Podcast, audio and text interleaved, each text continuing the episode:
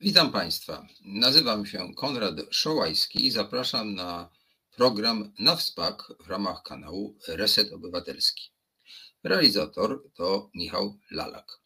Przypominam Państwu, że Reset Obywatelski to miejsce dla wszystkich, dla osób, które zadają pytania, mają wątpliwości, chcą się czegoś dowiedzieć i które mają przez swoje pytania i sugestie wpływ na tworzenie tych programów.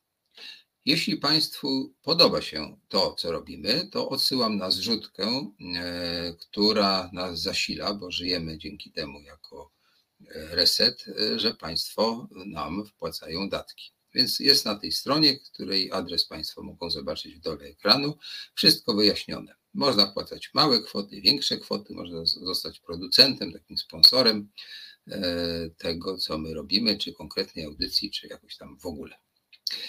E, no dobra. E, I teraz może od razu powiem, bo to jest najważniejsze, o czym dzisiaj będziemy rozmawiali.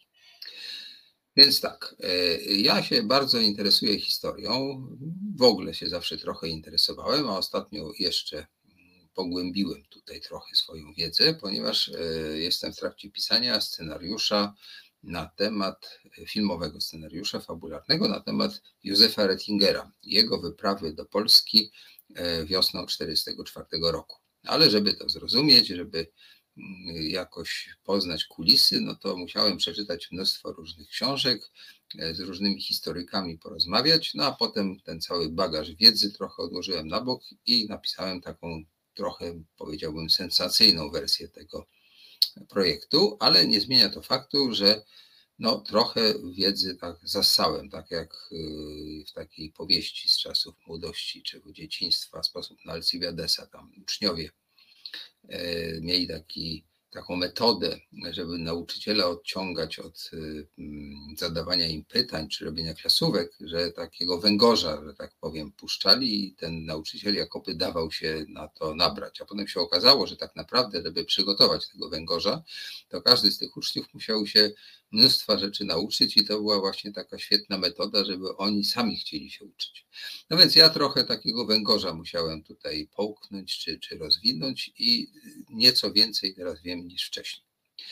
E, I zaprosiłem dzisiaj, e, żeby pomógł mi w tych historycznych rozważaniach, które w zasadzie mają taki jeden wspólny mianownik, że im więcej się czyta, tym bardziej się orientuje, że to, co wcześniej było podane w czasie nauki szkolnej, czy, czy w czasie, kiedy na studiach powiedzmy mieliśmy jakieś lektury, nawet takie mm, już sam, samemu dobierane, no to wszystko było inaczej w latach 70., kiedy ja studiowałem. Może z Księgozbioru Kultury Paryskiej się dowiadywałem nieco innej wersji polskiej historii, ale generalnie obowiązywała taka no, PRL-owska historia, e, w której no, powstanie warszawskie było takie trochę podejrzane, bohaterstwo żołnierzy tak, ale już tam ci, co je wywołali, to byli fatalni. No a potem w ogóle była wojna domowa z tymi złymi e, i, i utrwalacze władzy ludowej musieli tutaj budować nam ten piękny kraj. No a dzisiaj się okazało, że jest dokładnie odwrotnie, że ci żołnierze wyklęci to są właśnie ci święci, a tamci to byli ci okropni i tak dalej. No i mnóstwo jest takich rzeczy, które mm, okazują się nie do końca prawdziwe. E, zresztą jaka jest prawda, to właśnie tak do końca nie wiadomo. Na tym polega, polegają badania naukowe, historyczne, że to się jakby zmienia, wzbogaca i tak dalej. Dlatego właśnie dzisiaj zaprosiłem historyka i najpierw może powiem, kto to jest. Tak ogólnie, a potem powiem, jakie nazwisko, bo ma wiele różnych ciekawych mm, e, rzeczy, które robił w trakcie swoich i studiów, i potem już pracy naukowej. Więc tak, jest to absolwent historii Uniwersytetu Warszawskiego, e, gdzie obronił pracę magisterską Trzy paradygmaty nacjonalizmu na przykładzie Łotwy, Estonii i Litwy w latach 30. XX wieku. I to pisał pod kierunkiem e, profesora Marcina Kuli.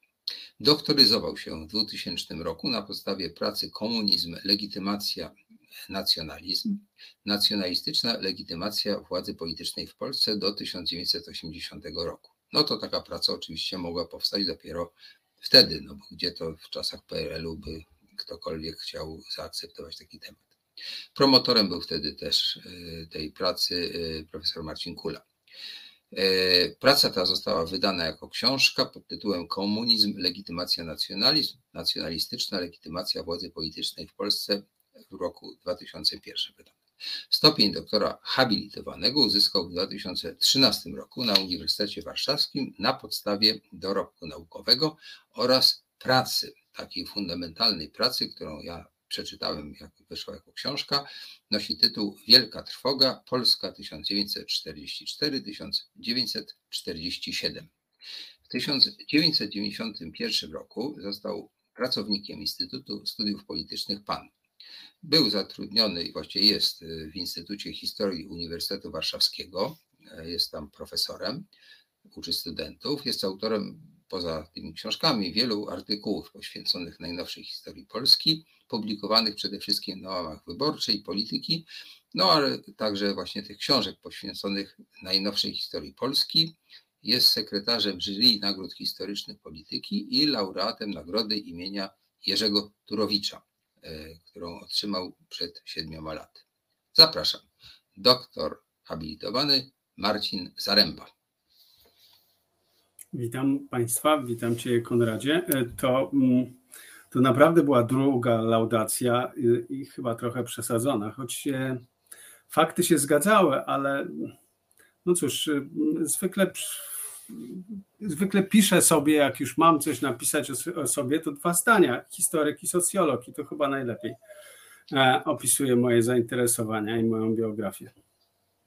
No tak, jak ja chcę tak troszkę prowokacyjnie też powiedzieć, e, kim ja jestem, co robię, to ja mówię, że jestem prostym reżyserem, chociaż no też niby mogę się pochwalić, że napisałem jakieś książki, mam tytuł doktora e, sztuk filmowych i tak dalej, i tak dalej, ale tak naprawdę to mm, praca nasza polega na tym, że opowiadamy ciekawe historie. Ty opowiadasz ciekawe historie jako historyk, ja próbuję opowiadać ciekawe historie przy pomocy filmu, słuchowisk, książek i tak. Dobra, i teraz tak. E, mm, ten program nazywa się e, Nie bez powodu. Ja sobie tu przestawię okienka, żeby lepiej widzieć i wtedy będę mógł rozmawiać w sposób bardziej taki zgrabny. E, już to robię właśnie, bo tutaj elektronika jest bardzo istotna, żeby jej nie zakłócić pracy. Dobra. E, I teraz e, na wspak jest pewnego rodzaju takim hasłem oddającym mniej więcej to, co ja w ogóle robię. Ja kiedyś napisałem taką pracę, ona nawet jest jakoś naukowo uznana, gdzieś tam ludzie ją pobierają właśnie jako taki tekst e, naukowy, artykuł tabu w moich filmach. E, I e, ja lubię tak poskrobać i sprawdzić, czy to, co normalnie uważamy, że jest jakieś, naprawdę jest takie, czy jest trochę inne. I e, mam takie poczucie, właśnie czytając te książki z zakresu historii, tej, szczególnie tej najnowszej, nie chodzi o tam jakieś zamierzchłe czasy, ale gdzieś tak od początku XX wieku, że to, czego mnie uczono na kilku etapach mojej edukacji, to się ciągle zmienia. I ostatnio na przykład muszę przyznać, że tutaj miałem lukę. E, zobaczyłem, bo to często się ogląda w ogóle klipy na YouTubie i stąd się czerpie wiedzę. Wiem, że to takie jest mało naukowe, ale no taka jest prawda na temat naszych czasów. Wpadłem na operację e, Churchilla, Winstona Churchilla, e, operację nie do pomyślenia, po angielsku unthinkable. Wpadłem na nią dlatego, że właśnie pogłębiałem swoją wiedzę na temat tego, czy Rettinger, lecąc do Polski wiosną 1944 roku, mógł wiedzieć o planach Churchilla, na ile był przez niego wysłany, na ile to tylko było zaakceptowane. Churchill akurat był chory wtedy, kiedy mm, Rettinger miał lecieć, więc właściwie ustalał to wszystko z Idenem. Niemniej sądzę, że w tych kręgach mm, establishmentu politycznego Wielkiej Brytanii, no to te różne plany były dyskutowane, jakoś tam kiełkowały i dopiero potem e, no, stawały się konkretem. Operacja Unthinkable nigdy nie stała się tak do końca konkretem. E, dlaczego to zaraz ty, Marcinie, powiesz, ale gdzieś wiosną 1945 roku była bardzo poważnie rozważana, a była nie do pomyślenia. I teraz e, ja myślę, że zaczniemy nie od tego, powstrzymamy jeszcze Ciebie przed wypowiedzią, bo jak zaczniesz mówić, to nie będziemy chcieli Ci przerywać, tylko puścimy taki klip pod tytułem Wielka Brytania chciała rozpętać trzecią wojnę światową. Znak zapytania. Michale, jedziemy.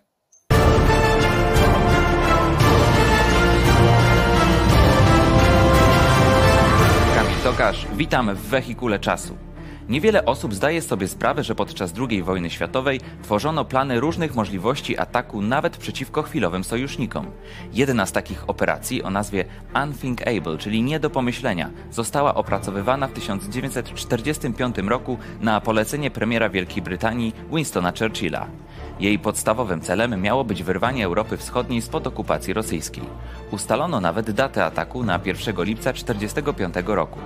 W misji oswobodzenia Europy miały wziąć udział także Stany Zjednoczone, polskie siły zbrojne i część żołnierzy byłego Wehrmachtu. Po kilku miesiącach obrad szefowie sztabu uznali ofensywę przeciw ZSRR za nierealną, głównie ze względu na przewagę liczebną sił radzieckich w Europie.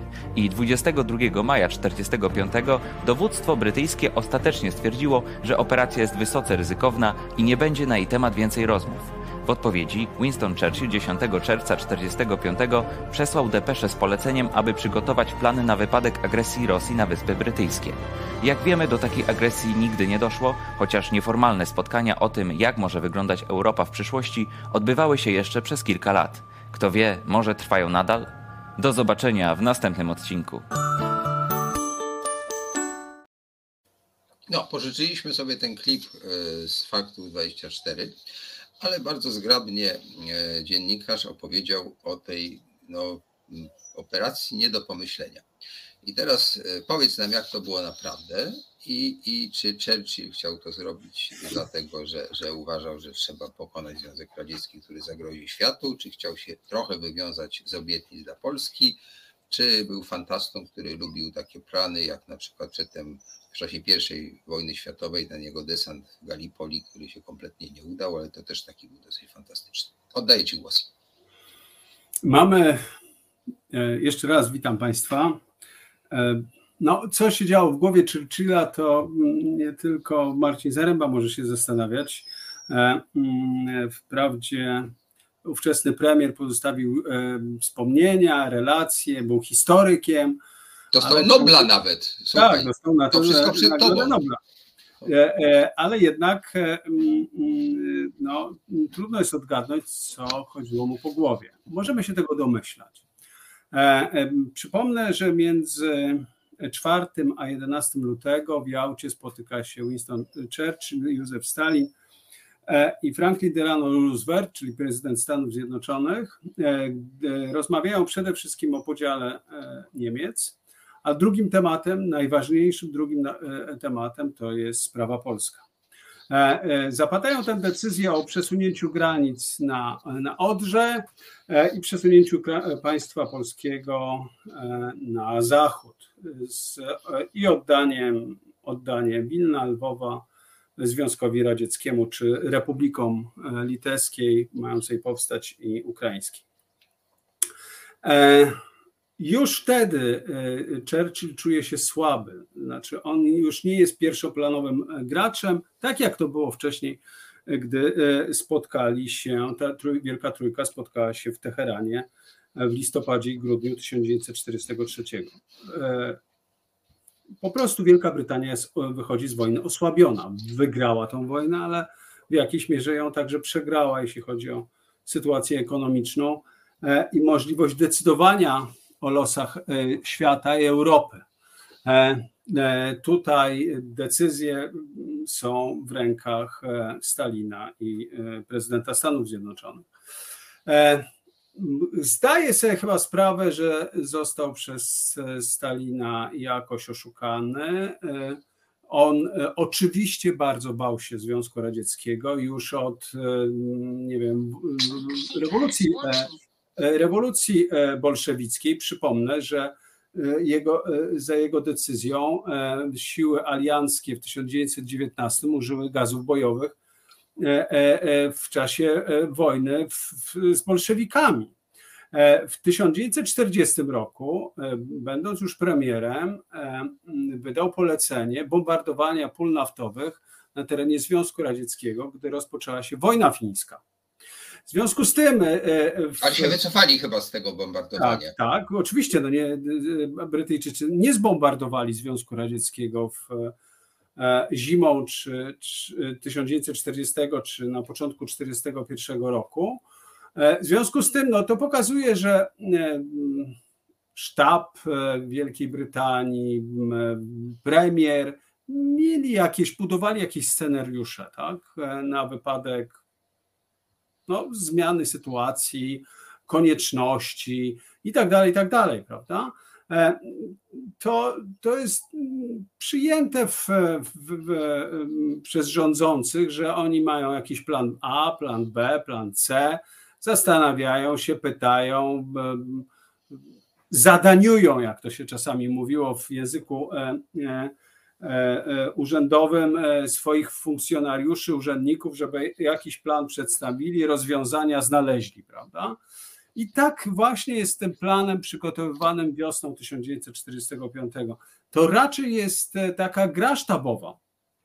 Taka jak na przykład wojska, sztab Armii Czerwonej Związku Radzieckiego przygotowywał na wypadek III wojny światowej, tak, że mm, armia polska pójdzie na Danię, ktoś tam e, e, e, inne siły pójdą na, na Paryż i tak dalej, i tak dalej, tak, i po kilku dniach będą nad kanałem La Manche. Taki sam plan przygotowali brytyjscy sztabowcy, już trochę na bezrobociu też pamiętajmy, tak? no bo wojna dobiega końca. Mm, czemu służył taki plan? No, odpowiedzi na jakieś pytania, jakie są szanse w ewentualnym konflikcie zwycięstwa ze Związkiem Radzieckim. E, na ten temat ukazała się w Polsce książka e, Trzecia wojna, o ile mnie pan mieć nie myli.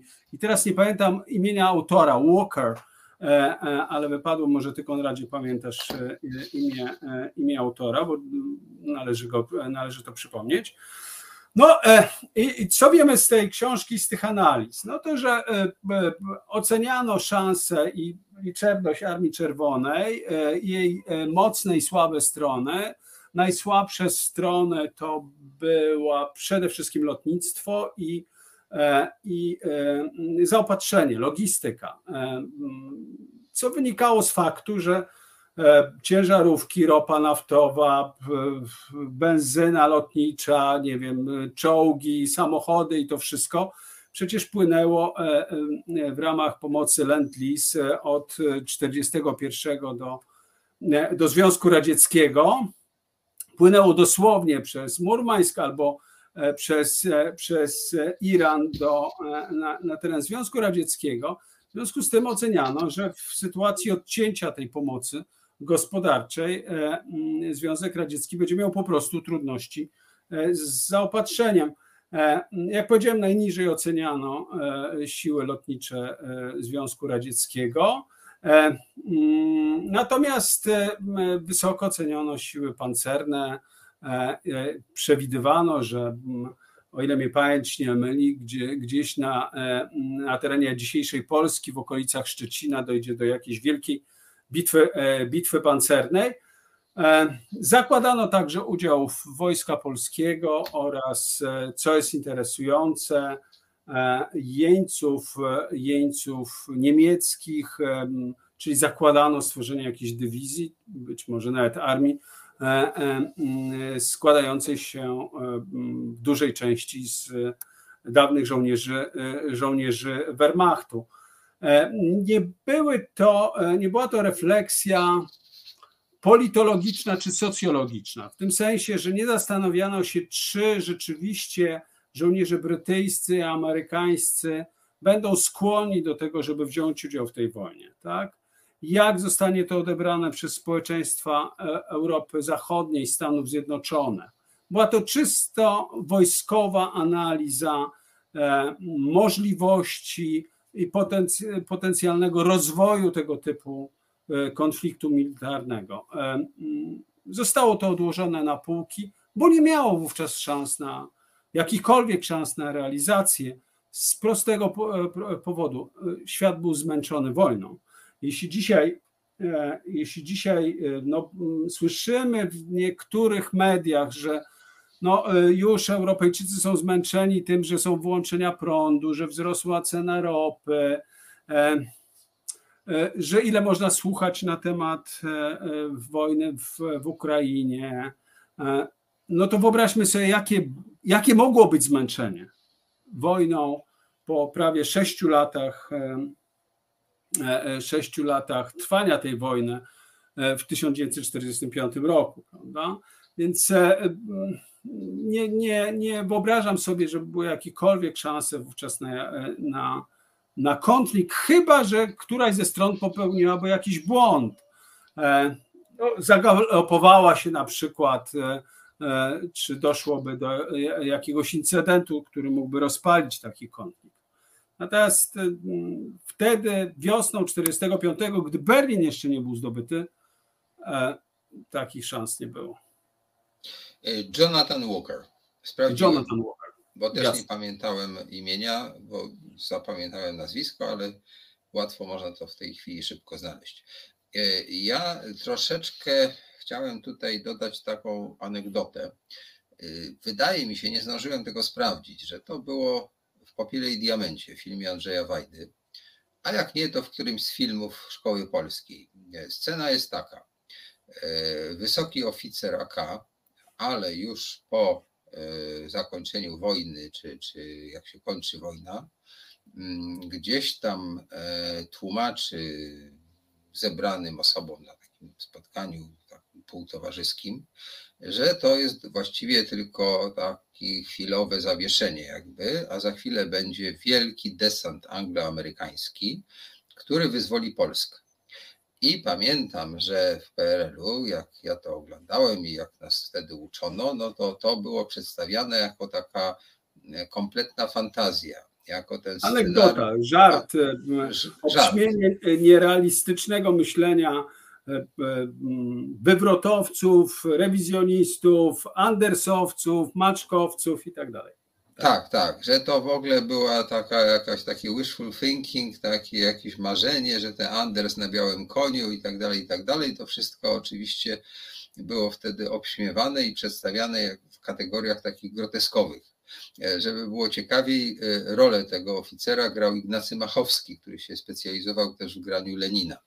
E, więc to do, do, później zresztą chyba tego Lenina, Lenina grał, ale to dodawało temu jeszcze smaku, jak potem się to oglądało, że właśnie tak tutaj to jest e, szyderczo, szyderczo przedstawione i e, mm, ideolodzy i dziennikarze i historycy w PRL-u przedstawiali właśnie mm, tę wersję historii jako taką, tak, taką nieudaną utopię tych, tych y, rewizjonistów, prawicowców, zwolenników obozu londyńskiego, który prze, historycznie przegrał, prawda? Zawsze to się tak podkreślało, że historyczne, że historia przyznała zwycięstwo komunistom. No, y, przejechali się na tym, jak się okazało, bo ten się najlepiej śmieje, kto się na końcu śmieje, prawda? Dzisiaj o komunizmie to w zasadzie nikt dobrze nie mówi, poza na przykład historykiem Marcinem Zarębą. E, żeby przygotować się do tej rozmowy, to przeczytałem rozmowę z Tobą, e, chyba którą przeprowadziła polityka. I w tej polityce e, ty tam mówiłeś o KPP-owcach i tym składzie personalnym i ich pochodzeniu i tak dalej. Wychodziło na to, że to byli prawdziwi ideowcy. I nawet chyba takiego zdania użyłeś, że gdyby tak ahistorycznie tych ludzi przenieść na dzisiaj, to oni pewnie by powędrowali tam pod, tą pod tę granicę y, z Białorusią i, i ratowali tych, tych y, uciekinierów gdzieś tam z Azji i Afryki. Także to byli po prostu ludzie zaangażowani w niesienie pomocy bliźnim. E, co widać, y, jest jakby mm, to powiedzieć, że, że wszystko jest troszkę względne, prawda? Że, że to, ta anatema, która spadła na KPP, i na PZPR i w ogóle na tych wszystkich y, ludzi z lewicy związanych z Moskwą, no bo oni niewątpliwie byli z Moskwą związani, no to ona jakby nas y, w naszych oczach zohydziła tę formację no straszliwie i na długo, mm, ale się okazuje, że nie do końca. Ja tutaj znowu anegdotę przytoczę. Że ja wróciłem na przełomie tym historycznym w 1989 roku z Wielkiej Brytanii, gdzie mieszkałem kilka lat, gdzie kończyłem szkołę filmową i tam film robiłem, który w Polsce był wtedy zakazany, żeby było ciekawiej. I byłem pod wrażeniem, znaczy tak się spodziewałem, że, że ten wielki przełom wszystko zmieni. No i też byłem w szoku, podobnie jak wiele osób tu w Polsce, e, że ci spadkobiercy PZPR-u okazali się znakomitymi politykami, tacy jak Kwaśniewski czy Miller i po dosłownie czterech latach od tego takiego e, wielkiego zwycięstwa Solidarności w czerwcu 1989 roku, na jesieni 1993 roku wybory dały władzę tamtej formacji z powrotem. Tak? Co pokazuje, że jednak historia kołem się toczy i nic nie jest takie proste. Ale wracając na chwilę do tego Unthinkable. Ja bym chciał jeszcze, żebyśmy sobie. Ale wiesz co, rzuciłeś tyle różnych rzeczy, że ja muszę się jakoś ustosunkować. A to, proszę cię bardzo, ty, ty no, jesteś e, tutaj e, gościem honorowym. trochę, bo zostawiłeś mnie z taką łatką niemalże komunisty. No. Ale no, próbuję zacznę... cię sprowokować. Tak? No wiem, rozumiem.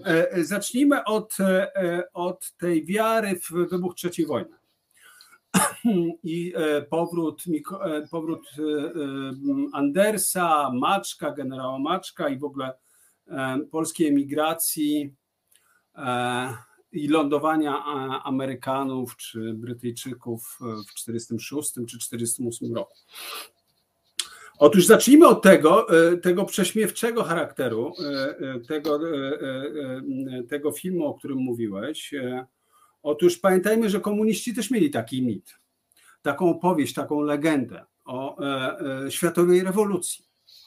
E, ta, ta rewolucja miała ogarnąć wedle, wedle Marksa Engelsa, ale także Lenina i Trockiego w cały świat. Tak? W związku z tym takie opowieści o tym, że coś się wydarzy, coś się zmieni, E, no, motywowane są bądź ideologią, bądź e, oparte są na jakichś przesłankach.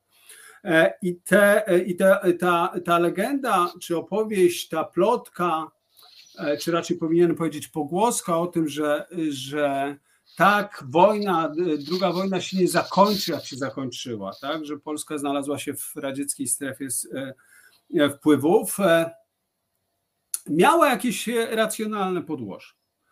E, po pierwsze, wynikała z e, przekonania o różnicach kulturowych, e, ale także potencjału ekonomicznego świata zachodniego, przede wszystkim Stanów Zjednoczonych i Związku Radzieckiego. Tak? Ludzie wiedzieli, jak się żyje w Ameryce, jak się żyje w Wielkiej Brytanii czy we Francji. Prawda?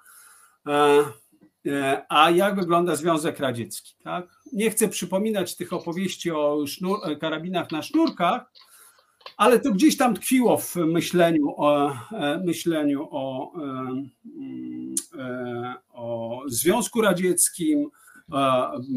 Były, ludzie widzieli, jak Rosjanie kradną zegarki, prawda? Że, że to uzbrojenie, czy może nie tyle uzbrojenie, co wyposażenie żołnierzy radzieckich jest parciane i tak dalej, i tak dalej a jednocześnie dostawali w 1945 czy 1946 roku pusz, e, mleko w puszkach, sok pomarańczowy e, i mnóstwo innych rzeczy w, e, w ramach pomocy, jaka napływała do nas z zachodu. Tak? Więc już to powodowało, że można było sobie wyobrazić, że do jakiegoś konfliktu dojdzie. Istniały także przesłanki polityczno-militarne a mianowicie wypowiedź Churchilla Fulton, przypomnę na koledżu Fulton w 1946 marcu, gdzie on powiedział o podziale e, e, e, żelaznej kultynie, podziale Europy od Szczecina do, do Triestu. W Polsce wtedy wybuchła potężna panika, panika wojenna. Ludzie wykupywali ziemniaki, chleb, ustawiali się do spowiedzi itd. Tak itd. E, wynikało to także z wiedzy na temat siły potęgi militarnej Stanów Zjednoczonych, a mianowicie zrzucenia bomby atomowej e, e, w, w sierpniu 1945 w Japonii, na Hiroshima i na Nagasaki. Więc to nie było takie, takie absurdalne. nie do, nie do, nie do pomyślenia. Tak? Oczywiście wyłączono z tym olbrzymie nadzieje. Duża część Polaków, ale także część pewnie środkowych Europejczyków, e, Litwinów, Ukraińców e, wierzyła, że dojdzie do wojny. Przypomnę, że partyzantka e, na, na Litwie i na Ukrainie przetrwała dłużej niż w Polsce, bo oni także wierzyli w to, że, że do konfliktu między światem zachodnim a Związkiem Radzieckim dojdzie. Tak? Gdy, e, gdy e, jest tak zwany pierwszy kryzys berliński, czyli zablokowanie e, zachodnich stref okupacyjnych, francuskiej, brytyjskiej amerykańskiej w Berlinie Zachodnim przez Stalina. Przypomnę, że granica między strefami przebiegała, a później NRD i Republiki Federalnej Niemiec na Łabie. W związku z tym autostradą można było dostarczać do stref zachodnich e, wszystko, tak? No, tylko w ten sposób.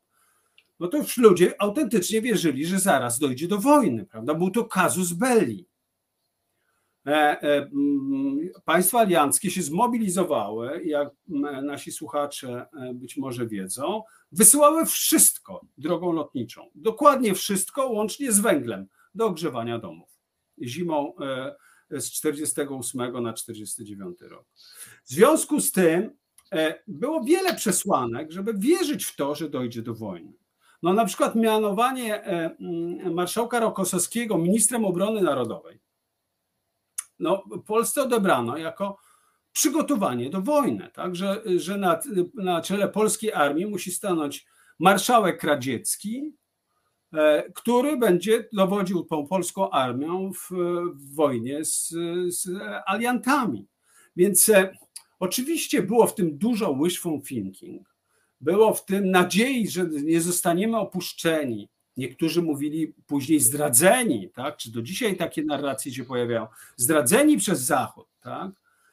Ale to nie było takie absurdalne, to nie było takie wykluczone, że y, do takiego konfliktu y, może dojść. Z punktu widzenia zachodniego on w ogóle nie był brany pod uwagę. Znaczy, oczywiście, gdyby Związek Radziecki zaatakował e, e, strefy okupacyjne w Niemczech, prawda, e, wylądował w Danii, czy zajął Szwecję, prawda, tak jak zajął Bornholm w 1945 roku, no to doszłoby do wojny. Tak? I takich takich konfliktów było. Później zaraz wybucha wojna koreańska. Tak? Wszyscy w Polsce i na świecie myśleli, że to zaraz dojdzie do wojny. Więc to nie było takie wykluczone, absurdalne. E, można to było brać i rozważać jakieś scenariusze. Tak? I poważnie ludzie e, e, brali pod uwagę tego typu scenariusze. Tak? Więc nie uważam tego za, za absurdalne jak.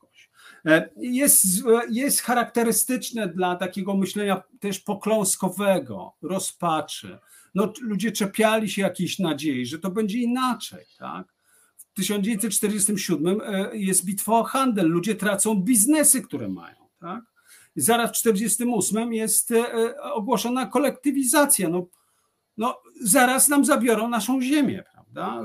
Opowieści niestworzone chodzą o tym, że y, co to będzie w tych kołchozach. Tak? Że wszyscy będą tak samo ubrani, że będą z jednego garnka, ba, że jedna żona będzie. Tak? Y, e, e, I tak dalej, i tak dalej. W związku z tym w takiej sytuacji rozpaczy, no albo do Najświętszej Panienki, albo do, e, do Stanów Zjednoczonych się modlono, prawda? Że, że, że, że oni z Truman, Truman zrzuć ta bania, bo jest nie do wytrzymania. To jeśli chodzi o tą opowieść, to, to, to, to jest bardzo ciekawe studium na temat mentalności ludzi po, w drugiej połowie lat 40., nadziei społecznych, strategii politycznych, konspiracji ówczesnej. No bo przecież ci ludzie w lesie w Polsce też są zmęczeni tym siedzeniem w lesie, ale siedzą dlatego, bo myślą, że, że jednak nam pomogą, prawda? Że coś, coś, że ci Amerykanie ruszą się, jak to się wówczas mówiło. Tak? Ale teraz co do tego, co, e, e, co powiedziałeś na temat komunizmu, e, to był wywiad dla tygodnika polityki, polityka z Łukaszem Bertramem, autorem fantastycznej książki na temat socjalizacji polskich komunistów w latach przedwojennych i w okresie wojny. Co to była za formacja? Czym było doświadczenie więzienia? E, e, skąd oni się mobilizowali, skąd brali? że to nie była żadna żydokomuna, że to byli ludzie albo z dobrych domów, którzy, którym się nie podobała międzywojenna Polska, albo z zupełnych dołów, którzy musieli się uczyć czytać i pisać. E, e, którzy w dużej mierze nie godzili się na, na, na niesprawiedliwość, tak? na, na wykluczenie, na biedę. E, uważali, że należy jakąś, jakieś rozwiązania, rozwiązanie znaleźć tego. I upatrywali to rozwiązanie w komunizmie. Byli jednocześnie, jak pisze Łukasz Bertram i mówi to też w tym wywiadzie, ludzie gotowi na przemoc gotowi na przemoc, co zresztą charakterystyczne dla tego młodego pokolenia lat 20. i 30. Nie tylko zresztą w Polsce. Przypomnę, że mówi się tak w tym kontekście także o, e, o skrajnej prawicy, o Enerze, Falandze i tak dalej, prawda? Którzy także posługiwali się przemocą i byli skłonni, planowali użyć tej przemocy wobec innych. I tak samo jest z komunistami. E, więc e, tu raczej chodziło w tym wywiadzie z Łukaszem o zrozumienie, czym był komunizm i co pchało tych ludzi do, do, do, e, do tej formacji komunistycznej. Tak? No dobrze, a i te, teraz już ja się zgubiłem. Dobrze, ale to bardzo dobrze. Ja czekałem na ten moment. Dałeś mi szansę. To tak jak w meczu piłki nożnej, że ta piłka ci wymknęła. Ja w tej chwili ją na chwilę przejmuję. Bardzo e, dobrze. I teraz e, e, strzelę bramkę, czy spróbuję strzelić bramkę w zupełnie inną stronę, aczkolwiek jakby bliską temu. Michale, Marcin, ósmy, Marcin. Nie, nie, Michale, A. realizatorze. Ja, A, słusznie. Może ja tak wyglądam, że taki jestem półprzytomny, ale ja wiem, co mówię. Dwór w Dołędze, akcja Trzeci Most i Józef Redinger. Jedziemy. Ciekawostki z Dołęgi, akcja Trzeci Most i Józef Rettinger.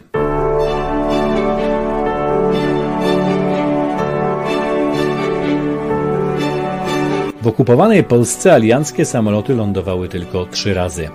Jedno z tych lądowań, najważniejsze ze względu na transportowanych ludzi i ładunek, odbyło się 6 km od Dołęgi. Było to w nocy z 25 na 26 lipca 1944 roku. Samolot miał zabrać ze sobą fragmenty tajnej broni Hitlera, rakiety V2, wraz z dokumentacją przygotowaną przez Polaków. Elementy zostały zdobyte na poligonie niemieckim na terenie okupowanej Polski przez żołnierzy AK. Kolejnym ważnym ładunkiem był sam Józef Rettinger, który był ukrywany w dołęckim dworze. Józef Rettinger, pseudonim Salamander, postać, która nie poddaje się jednoznacznej ocenie. Urodzony w Krakowie w 1888 roku, syn krakowskiego adwokata. Był polskim literaturoznawcą, pisarzem, politykiem, doradcą Władysława Sikorskiego w okresie II wojny światowej, ale też wolnomularzem i osobą podejrzaną o pracę dla obcych państw.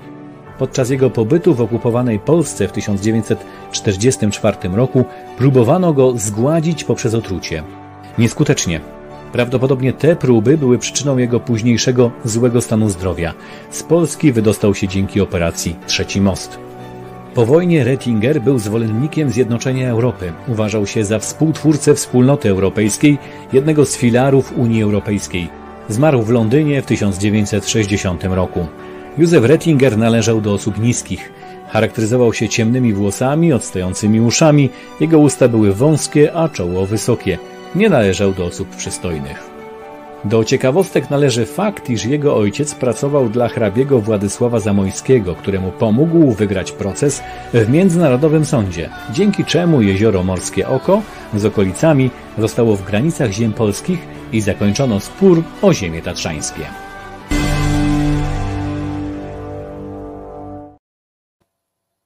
To właśnie jest e, opowieść, znaczy ten krótki klip opowiada o e, tym, o czym ma być moja opowieść o Józefie Rettingerze, który w kwietniu, e, w nocy z 4 na 5 kwietnia 1944 roku, będąc już mocno starszym panem, przyleciał samolotem Halifax E, do Polski, ale oczywiście ten Halifax nie mógł wylądować i Rettinger skoczył na spadochronie.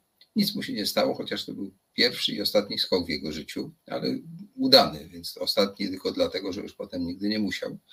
E, I e, zrobił to po to, żeby zrealizować tajemniczą, polityczną, dyplomatyczną misję.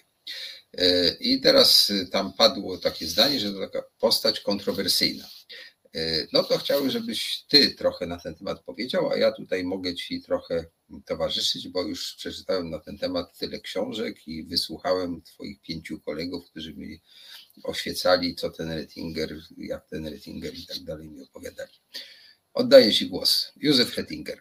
E, jeszcze dodał do, tej biografii Rettingera na pewno to, że znał języki. E, znał e, perfekt francuski, znał angielski i znał niemiecki. E, co do rosyjskiego nie jestem pewien, natomiast te trzy języki znał e, e, bardzo dobrze, co otworzyło mu mm, wiele drzwi w, w Londynie w czasie II wojny światowej, ponieważ polska inteligencja, mam tu na myśli oficerów, którzy znaleźli się w w Wielkiej Brytanii. Przede wszystkim, przede wszystkim znali oni e, język francuski bądź niemiecki, prawda? Znajomość angielskiego była tylko wśród e, być może oficerów e, marynarki wojennej, a Rettinger ten angielski znał. Druga sprawa, która związana jest z tą legendą, czarną legendą Rettingera, to są ci wolnomularze. Tak? No, e, to zawsze w Polsce źle, źle wyglądało. E, mniej więcej kto jest winni Żydzi i cykliści i wolnomularze można by dodać. E, w związku z tym no, nie był najlepiej odbierany. Po trzecie wreszcie on był oddzielny. Nigdy nie był związany jakoś blisko z, ani z jakimś ugrupowaniem politycznym ani nie był związany z, z jakimiś silnymi koteriami tak, londyńskimi. Nie pozostawił po sobie e, licznych wspomnień, nie, wiem, e, memuarów, dzienników, listów, które by świadczyły e, o jego kontaktach. Wszystko owiane było tajemnicą, no bo tak jest w czasie II wojny, że ludzie rozmawiają, a niekoniecznie zostawiają po, po tym jakieś notatki, listy i tak dalej, prawda? W związku z tym e, e, wokół Józefa Rettingera wytworzyła się taka czarna, e, czarna opowieść, a chyba nie powinna, ponieważ był to bez wątpienia była to postać o wpływowa, o, o inteligentna, i w jakiejś mierze można by chyba go ocenić e, w, w, jako realistę. E, e, świadomego sił, możliwości mm, ówczesnego świata zachodniego, prawda? Zdający sobie sprawę, że w, w sytuacji zbliżającej się Armii Czerwonej, E, zrzucenie, a to był na przykład taki ciągle powtarzający się e, nie tylko w Warszawie okupowanej, ale także w Londynie, e, pierwszej samodzielnej brygady spadochronowej, to jest po prostu szaleństwo nie, niemożliwe do zrealizowania przy ówczesnych możliwościach logistycznych, lotniczych, a także samobójstwo, jeśli chodzi o zrzucenie tych żołnierzy na tyłach frontu niemiecko E, niemiecko-radzieckiego. E, to chyba najważniejsze rzeczy, chyba, które należałoby powiedzieć. No to ja tutaj dodam, bo ja się nauczyłem. No, e, że, domyślam się. Że u Rettingera to jak gdyby są same paradoksy i same takie dosyć specyficzne okoliczności, w których wydaje się, że on miał sporo racji, tylko wbrew temu, co mówisz, nie zawsze do końca realistycznie E, oceniał sytuację i często zmieniał zdanie, jak się dowiedział czegoś nowego. No, no to, to nie wyklucza. Znaczy... Był elastyczny, był elastyczny i to do granic, że tak powiem, bólu. Bo tak, w czasie I wojny światowej, jeszcze jako bardzo młody człowiek, bo miał wtedy 30 tam parę lat, czy coś takiego, on się urodził w 1880 no, którymś roku. Coś takiego. On e, pełnił funkcję takiego nie wiadomo, czy do końca emisariusza, czy też takiego samozwańczego emisariusza.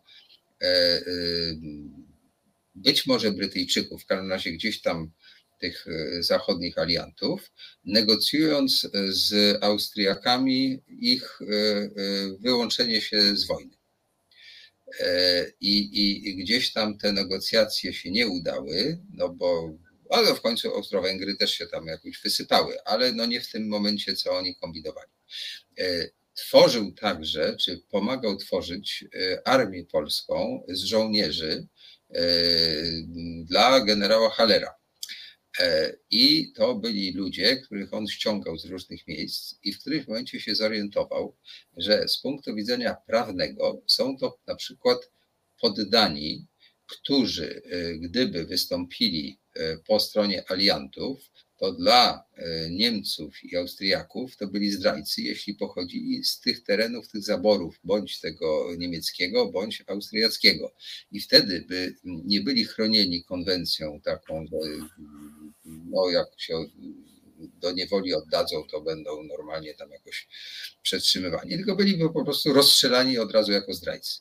W związku z czym on nie tylko tego zaprzestał, ale chciał to zahamować, za, no, za co został tam oczywiście wyrzucony. I to był jeden z pierwszych takich momentów jego biografii, e, gdzie zderzył się z jakąś taką anatemą po, po prostu, bo potraktowano go oczywiście, że to nie patriota i tak dalej. E, miał e, jakby wspólną z Konradem Korzeniowskim, taką damę, do której obaj byli konkurentami. Startowali. Startowali, tak, tak jak Piłsudski i Dmowski.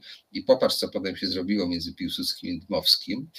Zdaje się, z Konradem Korzeniowskim aż tak się ich drogi nie rozeszły.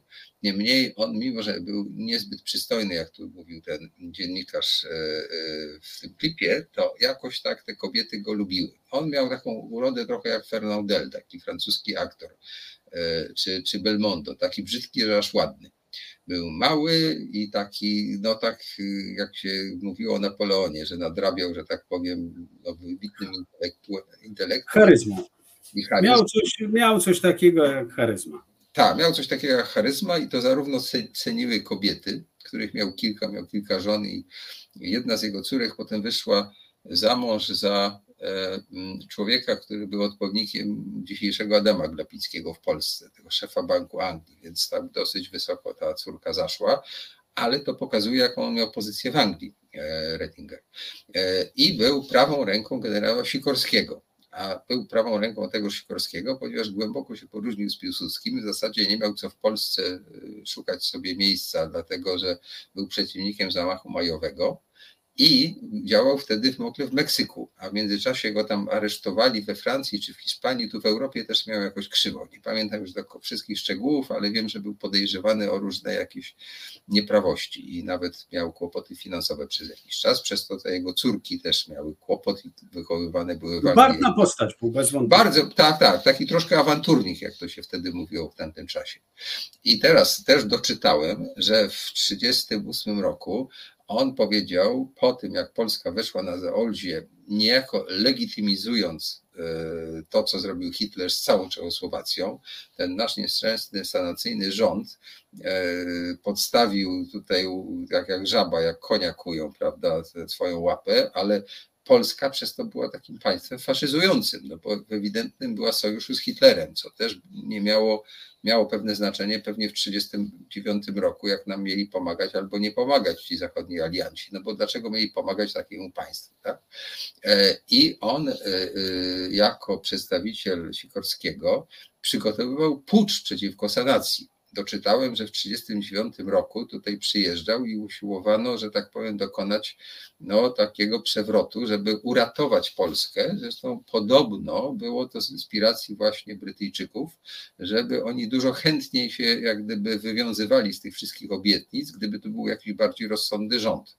E, od razu pewnie e, słuchaczom, a tobie przede wszystkim. Ale od razu powiedzmy, że Brytyjczycy nie, mieli, nie przygotowywali żadnego spisku przeciwko rządowi Sławoj-Składkowskiemu. Nie, nie, to, to, on. To, to, to raczej były pomysły Rettingera. Tak, tak, tak, tak, bo on wymyślał, zdaje się, tę historię, a ewentualnie uzyskiwał akceptację, ale był zachęcany, żeby tutaj coś zrobić. No, no, e, był realistą, ale też był gawędziarzem w tym sensie. To znaczy, mam wrażenie, że to była taka też postać. Znaczy, on miał mnóstwo scenariuszy, zakładał, który może być lepszy, zmieniał zdanie, kiedy zmieniała się linia frontu,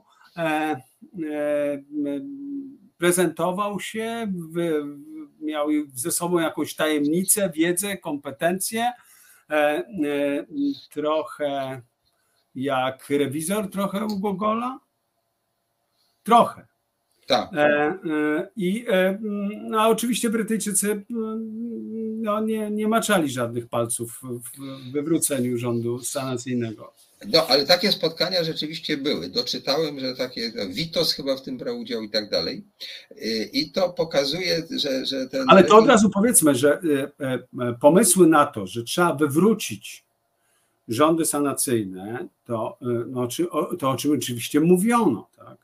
O tym marzyła Endecja. E, od, Tylko on nie z tej strony. Od, od, od, z innej strony, od innej tej, e, ale to samo było z e, Polskim Stronnictwem Ludowym, na którego czele stał Witos, czy Sikorskim, który stał, no, patronował Partii Pracy, Stronnictwu Pracy. W związku z tym to, to było całkiem no, w ówczesnych warunkach tak rzeczywiście politycy zastanawiali się, co się wydarzy po, po, jakimś, po jakimś kryzysie sanacyjnym, prawda? Czy da się to, ten układ przewrócić, prawda? No Rettinger myślał tak, jak dzisiaj Polacy myślą, nie wiem, o rządach Morawieckiego być może. No tak, tak. I tutaj zaczynają się pojawiać te analogie historyczne y, z naszymi współczesnymi czasami i to jest właściwie powód, dla którego ja się tym tematem zająłem. Szczególnie w momencie, kiedy wybuchła ta wojna y, z Ukrainą, przy czym ona oczywiście nie wybuchła teraz, tylko wybuchła w 2014 roku, tylko się tak tliła, tliła, tliła, tliła a teraz ta ekspoza już poszła na całego. E, I Ukraina e, dzisiejsza troszkę jest w takiej sytuacji jak Polska w tym 1944 roku. E, wisi na, że tak powiem, aliantach, nie? No, nie wisi? No jak to? Ukraina bez. Znaczy, myślę, że, że, że oczywiście masz rację mówiąc, że wisi, tak? E, ma, e, że, że ma niesamowitą pomoc ze strony mm, całego świata zachodniego, Kanady, Australii, e, mm, Republiki Federalnej Niemiec, czy, czy już nie mówię o Stanach Zjednoczonych, prawda? Natomiast sytuacja Polski w 1944 była o niebo gorsza. Po pierwsze, no tak. państwo Polska była okupowana, a po drugie zbliżał się drugi okupant, prawda? Tak a, a, a, mm, a sentymenty względem e, Polski były, ale nie tak duże jak teraz względem Ukrainy. W związku z tym e, nie zestawiałbym tych dwóch e, sytuacji.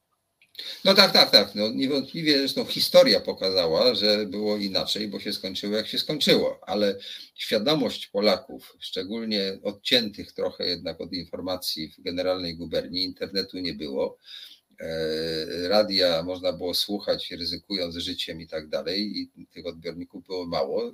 I też przez radio znowu tak wiele się dowiedzieć nie można wtedy było, mimo że BBC nadawało audycje, ale też nie chwaliło się tym, że Brytyjczycy tutaj nie przyjdą, w co część Polaków wierzyła, prawda? E, w związku z tym e, świadomość była taka trochę, powiedziałbym, niepełna i y, istniała ta, ta, ta, ta taka legenda, no, ten, ten, mit, że ci zachodni alianci nie pozwolą, prawda, że się mhm. wywiążą tak, z, mhm. z, z, z, tych obietnic. I ten Papkin Wernychora, bo Rettinger jest trochę Papkin, trochę Wernychora, prawda, przylatuje tutaj do Polski. I jaki jest ten jego ładunek w tej teczce, którą ze sobą przywiózł? Tak jak Tymiński przyleciał na wybory, prawda? To co ten Rettinger przywiózł Polakom z, z kacząc ze spadochronem. No, chyba chciał, e, e, e, chciał jakiegoś kompromisu.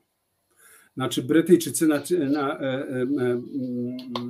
przede wszystkim Churchill i Eden, no, chcieli przekonać Polaków już od 1941 roku, od układu Sikorski-Majski, by zrzec się, zrzec się ziem na wschodzie, zgodzić się na przesunięcie państwa polskiego na zachód, e, to były, to były te oczekiwania strony brytyjskiej.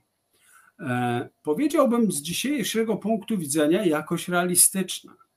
To znaczy apetyty e, Józefa Stalina względem Polski i w ogóle Europy Środkowej mm, jakoś anachroniczne w tym sensie, że on myślał, że im więcej ziemi, tym lepiej, co być może jest częścią tego e, mm,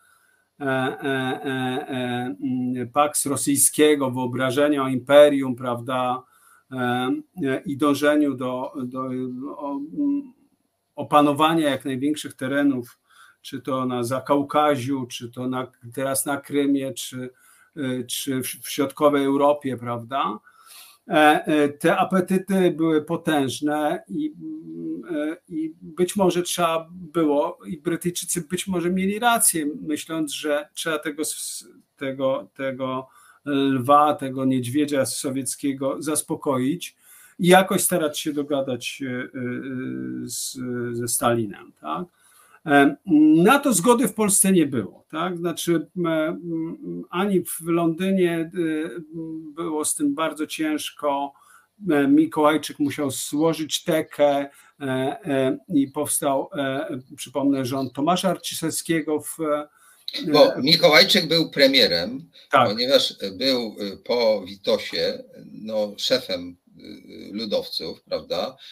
Czyli reprezentował w zasadzie najsilniejsze czy największe polityczne ugrupowanie.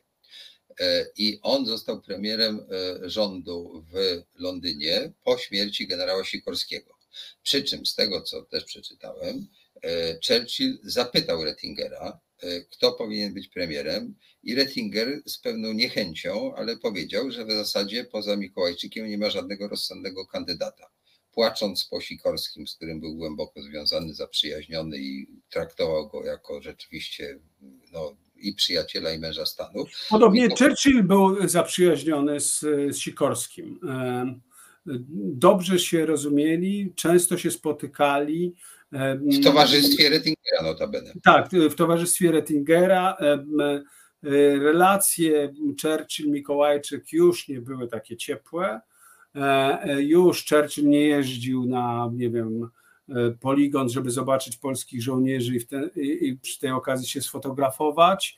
Mm, a z Tomaszem Marciszewskim w ogóle się nie spotkał. Więc mm, no, w tym wypadku jest Rettinger jak, w jakiejś mierze wysłannikiem Winstona Churchilla. No tak, ja w mojej historii y, staram się to tak opowiedzieć y, y, z tych złomków, które udało się zebrać historykom. Jest taka praca Władka Buchaka, która opisuje tę, tę wycieczkę. Władek tam przegrzebał te archiwa w Posku i w innych londyńskich tamtych kazamatach. E, nie do końca jest jasne z tego, co mi powiedziano i z tego, co przeczytałem, właściwie po co Terentinger przyjechał. To jest trochę tak, że raport, który napisał, to potem e, Korboński spalił w obawie, że wpadnie w ręce Uber. E, a pewnie ten egzemplarz, który napisał Rettinger tam w Londynie dla Brytyjczyków, leży dalej w tym archiwum, do którego wstępu nie ma, prawda? Na kolejnych Do archiwum jest wstęp, tylko nie wszystkie teczki są e, pokazywane. No właśnie, no, jaka jest mechanika tego, to już obojętne. Skutek jest taki, że do końca nie wiemy. W każdym razie ja sobie tak wyobraziłem, że on przywiózł wiadomość, że był Teheran. Wynik Teheranu był taki, że będzie granica w połowie Europy, czyli Polska stanie się e, częścią tego obozu kontrolowanego przez Sowietów, co dla Polaków było absolutnym horrendum. E, I co gorsza, plan ratunkowy też był dosyć ponury, ale jedyny, który wydawał się realny, to był taki plan Mikołajczyka, Churchilla i Rettingera. Nie wiem, kto to wymyślił, ale to jakby tych trzech ludzi za, za tym stało mianowicie, żeby się zgodzić na utraty ziem, które i tak były już utracone, prawda, no bo czołgi rosyjskie tak naprawdę już jechały po tych polskich kresach, tak, i to było nie, nie do odzyskania, w związku z czym chodziło o to, żeby no powiedzieć, no trudno, to już niech będzie y, w waszym tam kraju, natomiast wy nam dajcie rzeczywiście ten kawałek Niemiec, tak, żebyśmy coś mieli w zamian. E, my wpuścimy do naszego rządu komunistów, których do tej pory traktowaliśmy jako gangsterów i w ogóle mogli co najwyżej siedzieć w Berezie Kartuskiej albo w innych więzieniach. Teraz będą mieli wstęp na salony, tylko kilku powiedzmy, e, i będziemy oficjalnie przyjaźni w związku do, w stosunku do Stalina i Związku Radzieckiego, a w środku zachowamy sobie nasz ustrój taki demokratyczny, chociaż on nie był do końca demokratyczny, jak wiemy, więc powiedzmy sobie, no jakiś tak, taką niezależność wewnętrzną. No i to była ta propozycja. Nie, nie, nie, ale tu się nie zgodzę z tą. Znaczy, zakładano, że Polska będzie krajem demokratycznym. No tak, tak, ale ona przed wojną nie, nie, nie była krajem demokratycznym. Tak Oczywiście, tak, tak, ale, ale, ale w Londynie zakładano, że. Że wreszcie będzie z powrotem, tak, tak, tak. No bo sanacyjni oficerowie siedzieli na tej wyspie, na, który, na którą ich wysłał Sikorski, w związku z tym, no jakby sanacja była jakby wyautowana, chociaż pewnie też nie do końca. No, w każdym bądź razie e, w środku Polska miała być jakby nieza, samorządna, niezależna od Rosji, nie tak jak się stało potem. A inny scenariusz, ten taki groźny, że będzie kolejną republiką, prawda? Że tutaj po prostu będzie taki rząd jak w Ukrainie, na Litwie i tam w tych wszystkich innych y, krajach. No i tę propozycję złożył liderom polskiego podziemia Rettinger. E, ja wiem, bo czytałem książkę Celta, który, czyli Tadeusza Kciuka, który opisywał tę jego wyprawę i tam był taki jakby dziennik spotkań, które on odbywał. Dziennik spotkań Rettingera albo nie istniał, albo zaginął. Natomiast mniej więcej można się zorientować po tym dzienniku Kciuka, e, z kim oni się spotykali. Oni się bardzo szeroko spotykali, od lewa do prawa, bo chodziło o to, żeby, że tak powiem, był szeroki konsensus. I e, powiedz wobec tego teraz ty, jaka była odpowiedź w Polsce na tę kompromisową, trudną propozycję? No, e, nikt nie chciał się zgodzić na oddanie Lwowa i Wilna, tak? E, w szczególności Lwowa. W szczególności Lwowa, bo o Wilnie chyba już przestano myśleć. Natomiast sentymenty do Lwowa i to, że być może uda się coś e, ugrać w sprawie Lwowa, były jeszcze w 1945 roku, nie tylko w 1944, a nawet w 1945, jak Mikołajczyk przylatuje do, e, do, e, do Polski. W związku z tym, mm, no, po pierwsze, nie chciano się zgodzić na, na oddanie tych ziem, albo przyznać się, że my się zgadzamy, tak? no bo byłoby to potraktowane E, e, jako e, oddanie polskich ziem, zgoda, zaprzaństwo, zdrada i tak dalej, i tak dalej. A wówczas te słowa znaczą znacznie więcej niż dzisiaj. Tak? Mamy okupowaną Polskę, współpraca z okupantem na różnych forach ma miejsca. Zarzut zdrady jest najgorszym zarzutem, jaki można Y, można sobie wówczas wyobrazić.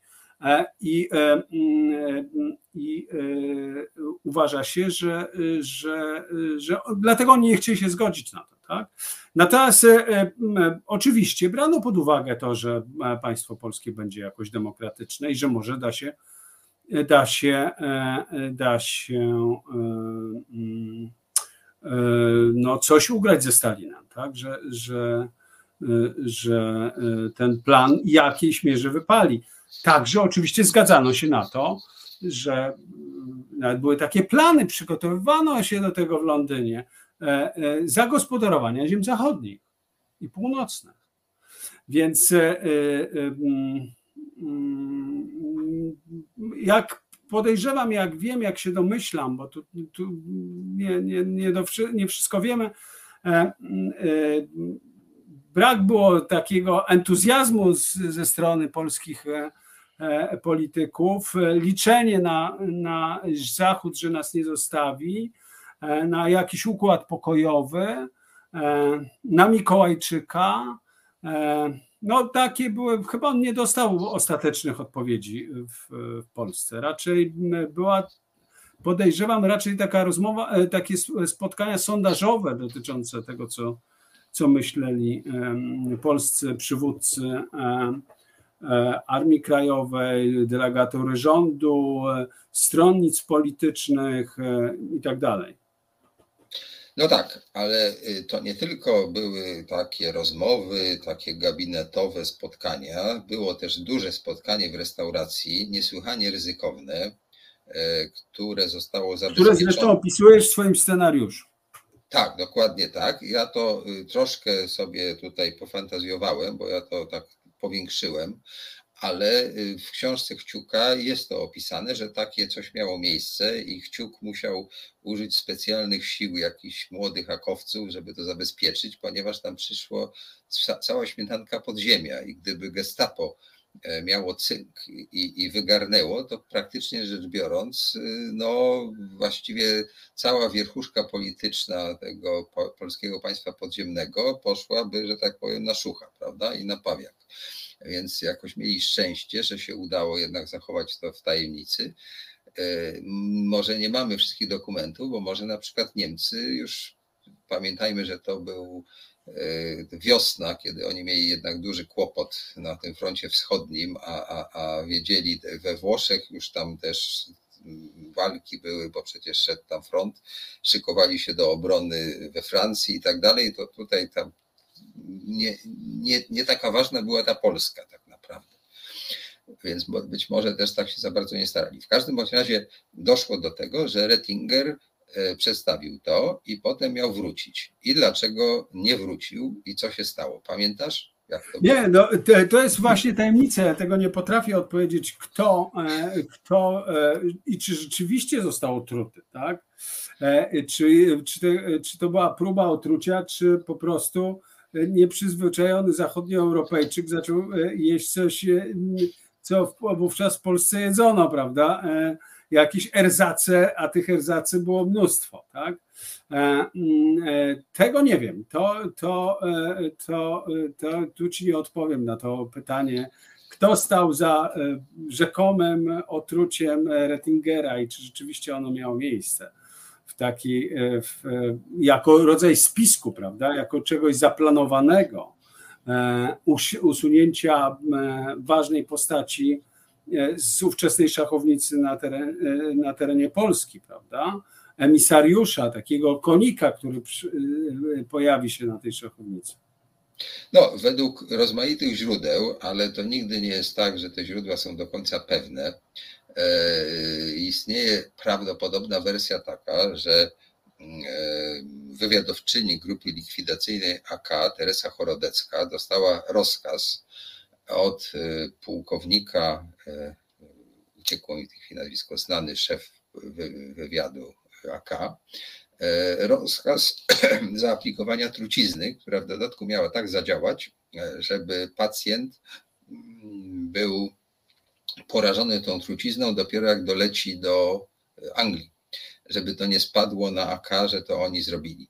I Teresa Chorodecka jakoby, bo ona potem taki napisała to świadectwo i kilkakrotnie tym publicznie mówiła już w latach po 1989 roku. Do czego zresztą niektórzy z tego oddziału też się jakby przyznawali, że coś tam na ten temat wiedzieli. ta Chorodecka twierdziła, że tę truciznę zaaplikowała, ale potem zorientowała się, że to w ogóle było bez sensu, a Rettinger nie został. A ona powiedziała, jaka to była trucizna? Bo to nie, wygląda, wygląda jakoś zupełnie fantastycznie. Nowiczoka jeszcze nie wymyślono. Nie, nie, to znaczy według tego, co Władek Buchak y, napisał w swojej, w swojej analizie i konsultacji, które przeprowadził z lekarzem, jakimś takim toksykologiem, była taka substancja, którą AK stosowało w stosunku do gestapo. Mianowicie wysyłali listy anonimowe, żeby gestapowcy te listy odbierali i się tym truli. I to coś takiego było, to było rzeczywiście w rękach AK. I jeśli w ogóle, to prawdopodobnie to była ta substancja, której nazw w tej chwili nie pamiętam. Ale to jest na tyle zawikłane, że teraz byśmy pół godziny musieli to analizować, ponieważ jest kilka sprzecznych wersji, a w dodatku z nie do końca jasnych powodów Rettingera w ogóle na pokład tego samolotu, który miał odlecieć, nie wzięto.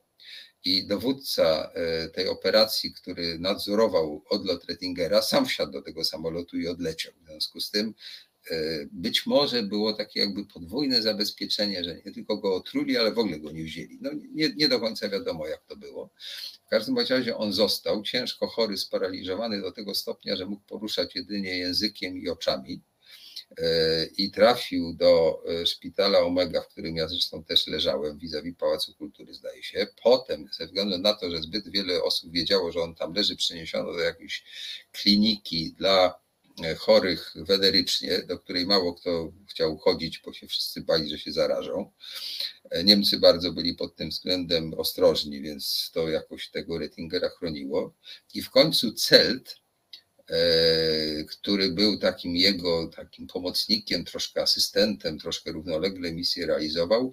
E, zabrał go na własnych plecach, przenosił przez dworzec krakowski, przez e, salon Nurfir Deutsche, musiał się tam prze, prze, prze, przedzierać i dotarli na lotnisko pod Tarnowem, właśnie tam, gdzie ten dwór było widać e, i tam, tam było to lądowisko i tam w ramach operacji Most 3 przyleciał samolot, który zabrał e, części rakiety V2, którą w międzyczasie e, wywiad AK pozyskał, bo wpadła do wody i do bagna i tam po prostu dzięki temu mogli Niemcom to, to po prostu jakby ukraść. No i Rettingera wsadzono na pokład tego samolotu. Jakimś cudem on potem odżył E, mimo że najpierw to tylko ten język i oczy działały, to potem zaczął nawet chodzić. E, I potem rzeczywiście, z tego co wiem, e, stał się no, taką szarą eminencją tworzenia tej Europy Zjednoczonej i w zasadzie jest jednym z tych nieznanych, no, zapozna, za, za, zapomnianych ojców wspólnoty europejskiej. Tak, ale ja, ja ciągle nie wiem dlaczego, bo szefem wywiadu Armii Krajowej. Iranek Usmecki. Kazimierz Iranek Kosmecki. Dlaczego e, Kazimierz Iranek Kosmecki chciałby go otruć? E, e, są dwie mm, możliwości, że podejrzewał, że mm, Rettinger współpracuje z Niemcami i że jest agentem, no ale jeśli jest agentem, to dlaczego go, jeśli miał takie dane i przesłanki po temu, żeby tak sądzić, to po prostu dlaczego go nie zabił? E, e, e, później broniąc się, że mieliśmy dane o tym, że to jest agent Abwehry czy, czy Gestapo. Druga, że nie zgadzał się z koncepcjami, które Iranek, które Rettinger przywiózł ze sobą, tak? którą ty byś wybrał. Ja nie wiem, czy ja chcę wszystko zdradzić, żeby nie z, jakby zepsuć ewentualnej lektury potem mojego scenariusza czy oglądania filmu, a może powieści, którą napiszę, e, to mogę tylko powiedzieć, że jest kilka innych wersji możliwych. E, jedna, ona jest udokumentowana i pułkownik Pokrzczanin to poświadcza, chociaż on to słyszał tylko, że była depesza. Depesza sama zaginęła. Ona przyszła od pułkownika Demela, E, który był. Ale żadne depesze nie zaginęły. Z, e, przecież są depesze. E, ale ta właśnie, ta właśnie jakoś zaginęła. No, znaczy, słuchaj, ja nie jestem historykiem, bo jeszcze może o tym zdążymy porozmawiać, jak działa historyk.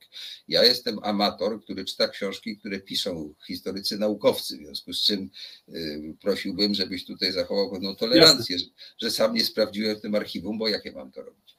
W każdym razie było tak, że E, asystent taki, czy zaufany człowiek e, generała e, Sostkowskiego, który był takim bardzo twardym przeciwnikiem Sowietów, prawda, i w ogóle jakichkolwiek negocjacji z Sowietami, ale też nic dziwnego, bo on dowodził armią, która się składała w dużej mierze z ludzi z tamtego rejonu, który Sowieci właśnie zabrali, którzy zresztą byli zesłani tam i oni doskonale wiedzieli, że ci Sowieci są straszni. W związku z czym jakikolwiek pomysł na jakieś negocjacje z nimi wydawał się absolutnym horrendum. Dla nich Niemcy nie byli tak straszni, bo im się, że tak powiem, yy, yy, dostało od Sowietów i oni w stosunku do Niemców to pewnie mieli, no jak wiadomo, no, nikt ich nie kochał za to, co zrobili, ale sobie nie zdawali do końca sprawy, że Niemcy są tak straszni. Ta okupacja przecież ich bezpośrednio nie dotknęła, bo nie byli w generalnej guberni. I teraz ten Sostkowski e, być może ustnie, bo to nie ma no, dokumentów, powiedział Demelowi. W każdym razie Demel przysłał taką depeszę, której nie mamy, ale którą to depeszę nam zrelacjonował Bokszanin, który o niej słyszał na naradzie e, i ktoś tam treść tej depeszy tak jak gdyby zestawił z powrotem e, i ona była pisana w taki dosyć dziwny sposób, że należy tego Rettingera pozbawić jego poczty, jego materiałów i jeśli trzeba zrobić taką awanturę nawet siłowo, tak? E, I była tam sugestia, nie umiem w tej chwili powtórzyć dokładnie tego zdania, z, której to sugestii można było wyciągnąć wniosek taki, że właściwie należy go rozwalić mówiąc wprost. I w dodatku Demel i, i Radek Osmecki się znali dobrze, w związku z czym oni mogli stosować też jakiś taki własny język, własny kod, a to było przecież y, szyfrowane, szło przez tam różne służby i tak dalej, więc tak naprawdę nie wiemy do końca, czy ten rozkaz, czy sugestia jakby przyszła i bardzo dziwny sposób był przekazania tego rozkazu przez Irenka Osmeckiego tej Teresie Chorodeckiej, ponieważ Chorodecka w warunkach konspiracji w ogóle nie powinna znać tego Irenka Osmeckiego, no bo przecież to było ryzykowne, a on do niej przyszedł do domu na Saską Kępę, jeszcze w dodatku w sposób taki, przynajmniej sądząc z tego, jak ona to opisała, taki jakiś niewyraźny jej proponował, czy byłaby pani skłonna zająć się emisariuszem z Londynu i z nim pojechać na lądowisko i tam by pani mu wsypała coś do ubrania i coś tam do jedzenia i to da no, jakieś efekty. Tak? I to mniej więcej takiej opowiadał. No, to jest bardzo dziwna forma wydawania rozkazu likwidacji niebezpiecznego wroga, prawda? Więc tak nie wiadomo, czy ta Chorodecka tak do końca to dobrze zapamiętała. W zeznaniach z kolei jej przełożonego, e, majora Fischera, mniej więcej jest to samo ale mogli to ze sobą uzgodnić, więc to też nie wiadomo, bo byli ze sobą bardzo związani. Więc to są tylko te dwa źródła i w dodatku one są de facto jakby jednym źródłem, a ty jako historyk powiesz, że jak jedno źródło, to w ogóle nie wiadomo. Tak? No w każdym razie to jest taka możliwość, że to było z rozkazu z Londynu. Ale jest też inna i to jest taka jakby też bliska pewnej rzeczywistości, mianowicie, że e, Sowieci tutaj motali bo przecież e, były różne zabójstwa w obrębie e, tych e, ludzi AK i także ludzi PPR-u. Mołojca zabi, Mołojec zabił Nowotkę, tak? a z kolei Makowieckich i Widerszala zabili jacyś likwidatorzy z takiego dziwnego oddziału AK, tak? że to się zdarzało, to jest udokumentowane. Jest też możliwe, że to było... No nie AK, tylko Narodowych Sił Zbrojnych. Tak, ale oni, oni współpracowali jakoś z AK, tam, tam był jakiś no, taki... W sytuacji konspiracyjnej ktoś tam, tam mógł spotkać, współpracować, ale czy, czy decyzja... Ci żołnierze myśleli, że zdaje się, bo jak, jak czytałem te wspomnienia, to oni myśleli, że oni właściwie dla AK to robią. Nie zdawali sobie do końca sprawy z przynależności, bo dzisiaj to jest tak łatwo powiedzieć, to jest AK, to jest NSZ, to jest coś tam, tak? I ty wiesz dokładnie od tej daty do tej daty to tak było, tu się zjednoczyli, tu się rozłączyli. Przecież to była konspiracja. Nie, nie, ale tam, tam nie, nie, nie, ja tego nie studiowałem y, jakoś dokładnie, o tym pisał profesor Maciej Janowski kiedyś w Gazecie Wyborczej, chyba już 15 lat temu, e, e, to tam były listy proskrypcyjne, tak, e, przygotowane przez Narodowe Siły Zbrojne, tak, i E, nawet jeśli wykorzystano kogoś z jakiegoś oddziału Armii Krajowej, no to, no, to nie znaczy to, że Armia Krajowa zabiła w, e, ważnych e, analityków Biura Informacji i Propagandy. Tak? No. Natomiast, natomiast oskarżanie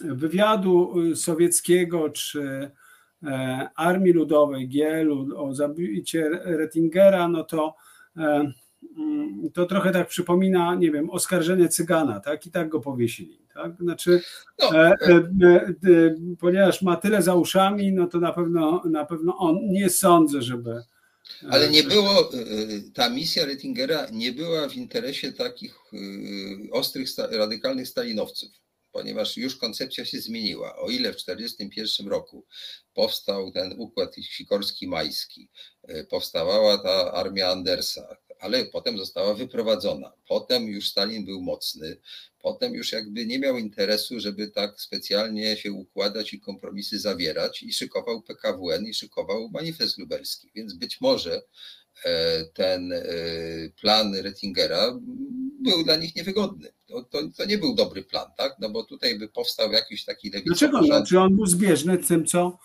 co Stalin zakładał, tak? Że, no nie, ale Stalin ostatecznie. Załóżmy, załóżmy, że w 1944 Stalin nie wiedział, jak będzie wyglądała ta Polska. Znaczy my operujemy takim. E, ale powstał ten, ten rząd PKW. Mądrości, e, mądrości e, etapu, że Stalin jak strategię salami przecina i w gruncie rzeczy dochodzi, jest super geniuszem, który wszystko od początku zaplanował. Tak? No tak nie było naturalnie. I mm, to, że ma jakieś takie supermoce, żeby w w, rękami wywiadu polskiego, Armii Krajowej, to wydaje się po prostu wyssane z palca, tak jak e, nie wiem, pomysł o zamachu e, na Sikorskiego zorganizowanym przez Majskiego, który był w Gibraltarze, prawda? E, no, czy, czy, czy, już nie pamiętam, czy Majski był w, w każdym razie tam.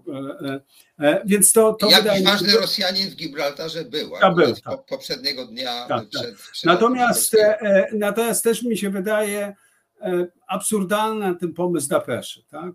Jeśli po pierwsze wywiad Armii Krajowej czy, czy, czy sztab naczelnego wodza nie musiał posługiwać się takimi, e, e, takimi e, mm, mm, działaniami, żeby coś załatwić, zorganizować, nie wiem, wysyła jakąś depeszę, przecież mogliby go wsadzić w, spokojnie w, do więzienia w, Londynie, czy jakoś go tam mm, wyciszyć, no to, to jakieś wydaje się mocno mocno, e, e, mocno nieprawdziwe. Raczej bym podejrzewał, że jakaś gra pomyłek, e, błędnych informacji, źle odczytanych,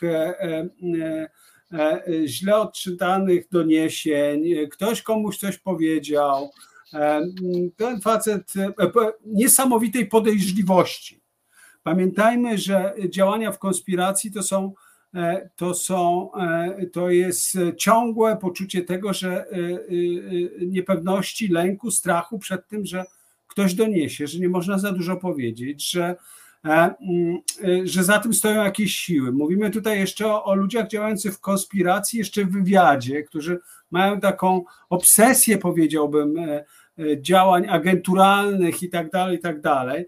I raczej bym to tak tłumaczył, jako historyk, tak? a nie jakimiś e, super przygotowanymi w Londynie spiskami. Ale chyba tego nie, roz, nie rozstrzygniemy. Znaczy nie mamy tu żadnych danych, które by to e, e, potwierdzały. Tak? W każdym razie w depeszach Armii Krajowej do, do kraju takiej depeszy nie ma, nie ma jej w materiałach krajowych Armii Krajowej, w związku z tym no, no wydaje się to trochę e, e, opowieść jakoś wymyślona.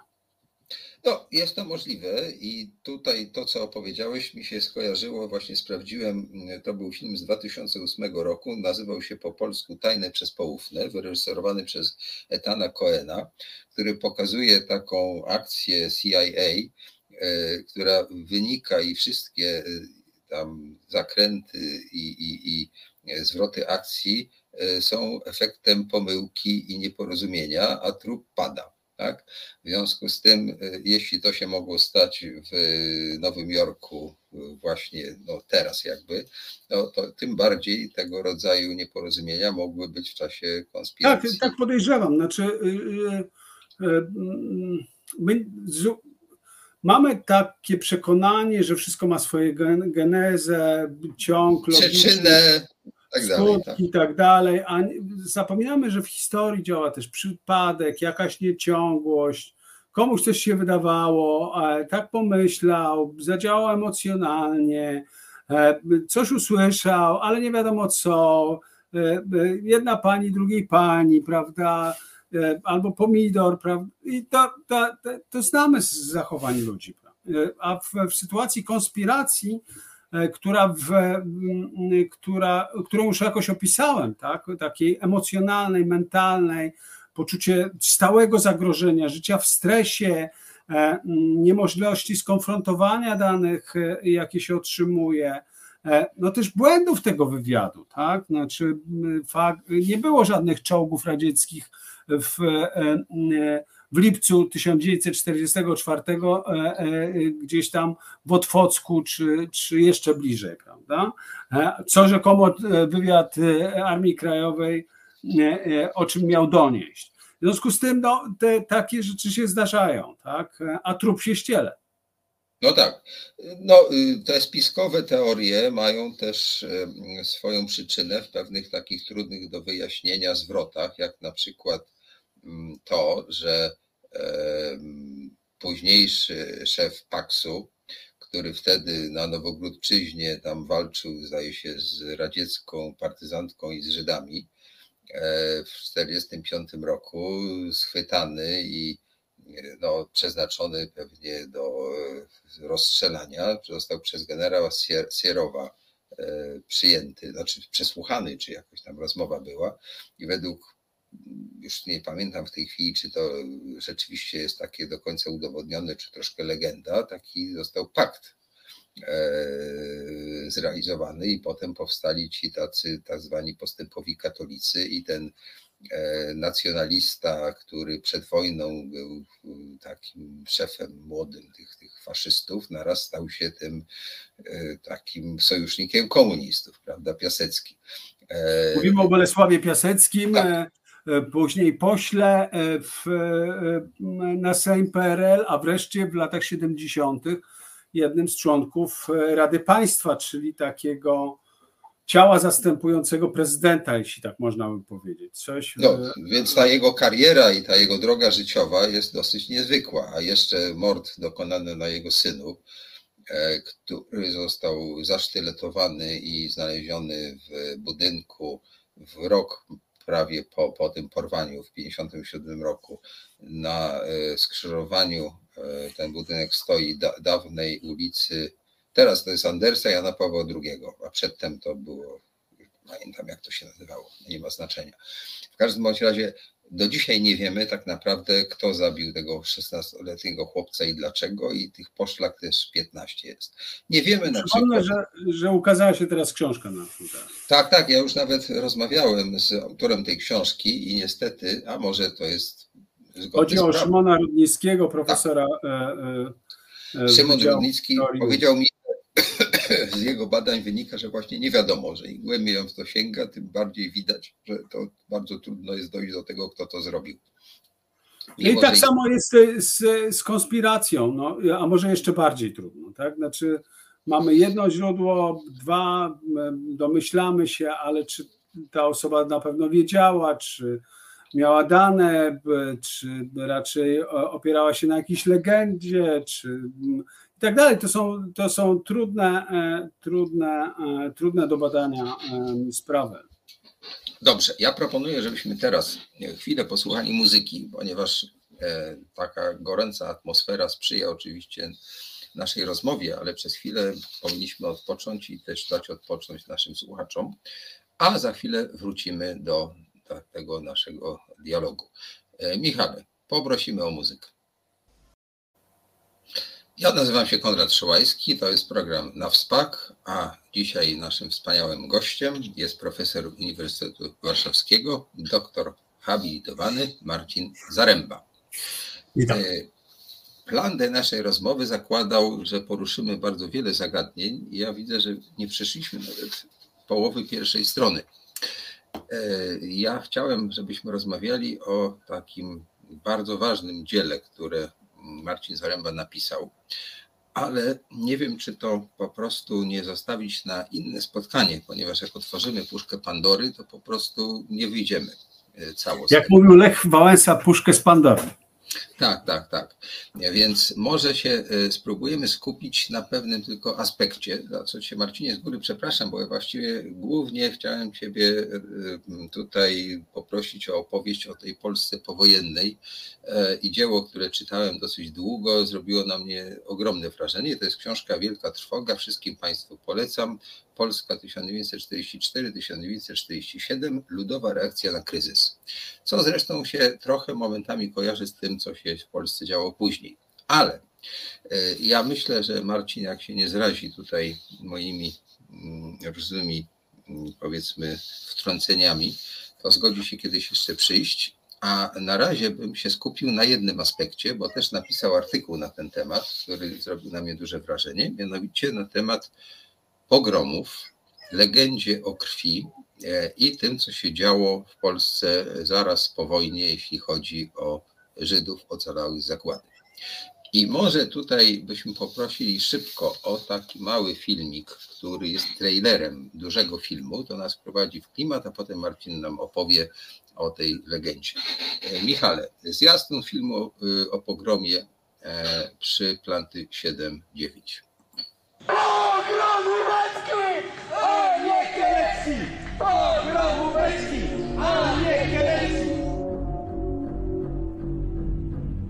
Wyglądam przez okno i widzę, że się nagle tłum zbiera na ulicy. Doszedłem do bramy, to ktoś krzyknął, to Żyd. They beating our people. They beating our people. Please come help us.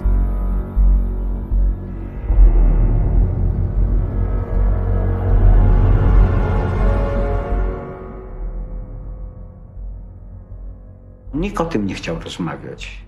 Nikt. Nie zależało na tym oczywiście rządzącym, władzy, nie zależało też na tym kościołowi. Szczerze mówiąc, nie zależało też zwykłym ludziom. No. Nie ma czegoś takiego jak sprawy żydowskie.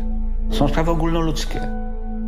Każdy człowiek ma w swoim życiu jakiś trudny moment. Albo nam coś zrobiono, albo my coś komuś zrobiliśmy, albo jedno i drugie. Dopóki tego nie nazwiemy, to my ciągniemy tą przeszłość za sobą przez cały czas. Toczyło ważny, ważny bój o wyjaśnienie prawdy dotyczącej pogromu Żydów w Kielcach. Trzeba mówić prawdę, ale mówienie prawdy ma sens, jeśli wypowiada się ją z miłością.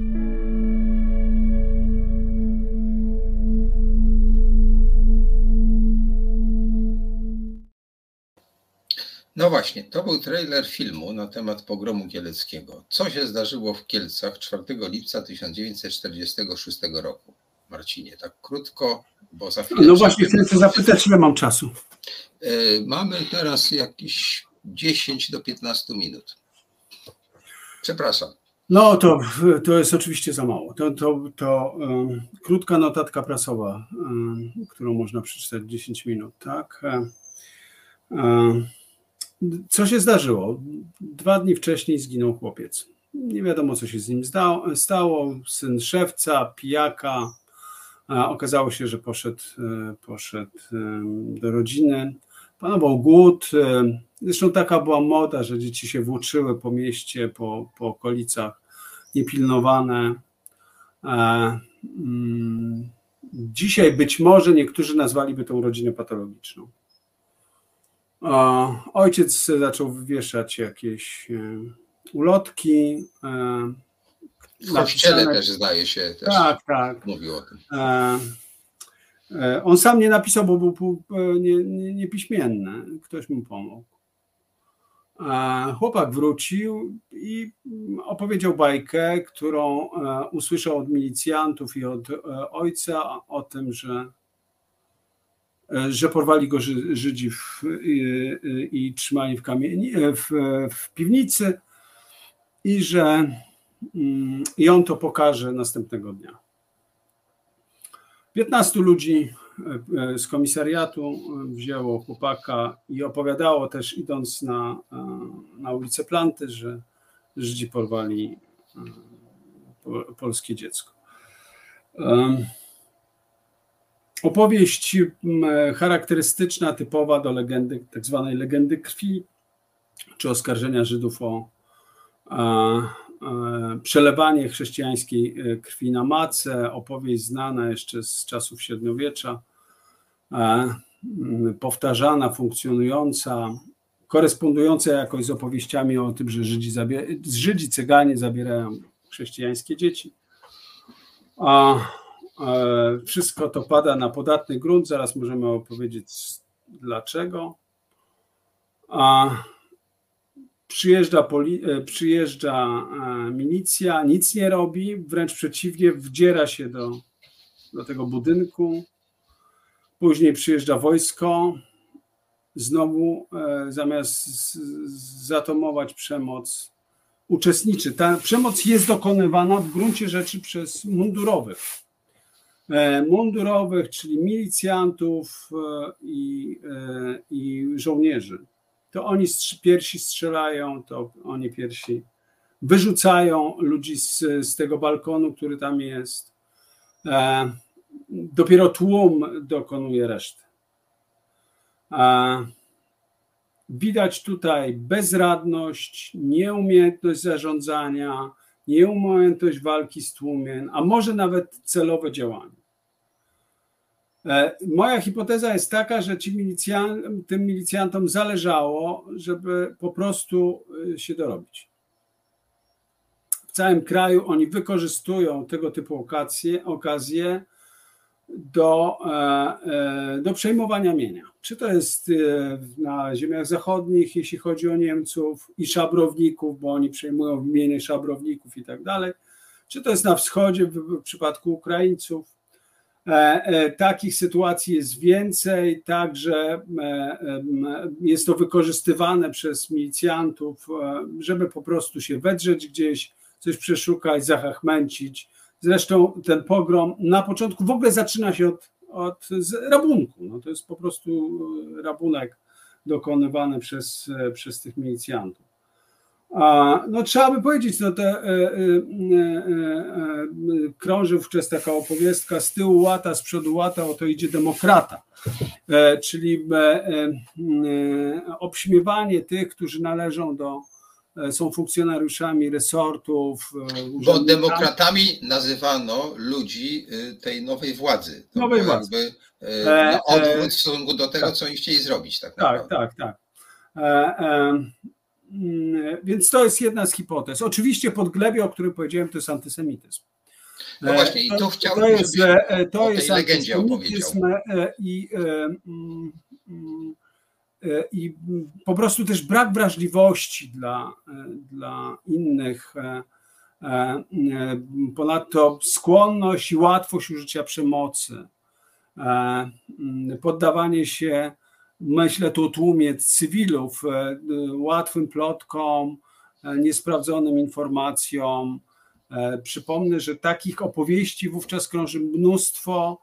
Mm, w Częstochowie, w, w, zaczyna się od Rzeszowa, tam jest pierwsza taka próba pogromowa, rzeczywiście ginie tam dziecko, władze ogłaszają, że wyjaśnią sprawę, nic nie wyjaśniły a e, później mamy pogrom w, w sierpniu 1945 w Krakowie, cała fala pogromowa e, w, w, w południowej Polsce. E, to są zamieszki czy zachowania takie.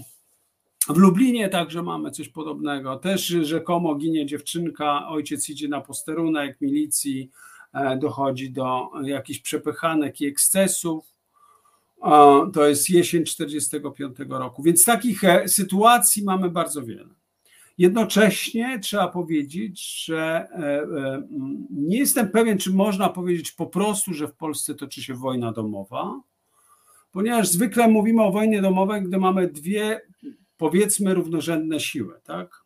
Tak jak jest w czasie wojny domowej za Juliusza Cezara, czy w czasie wojny domowej w Hiszpanii, czy powiedzmy e, w czasie do, wojny domowej w Stanach Zjednoczonych. Tak?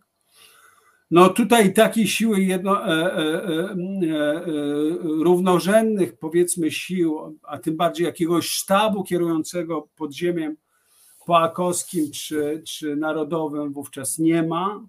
W związku z tym trudno mówić o, o, o wojnie domowej, tym bardziej, że mamy dominującą jednak e, e, rolę okupanta. Oczywiście w, w wojnie domowej w Hiszpanii też mamy e, interwencję Związku Radzieckiego, Włoch czy III Rzeszy, ale tutaj no jednak kraj na dobrą sprawę jest okupowany.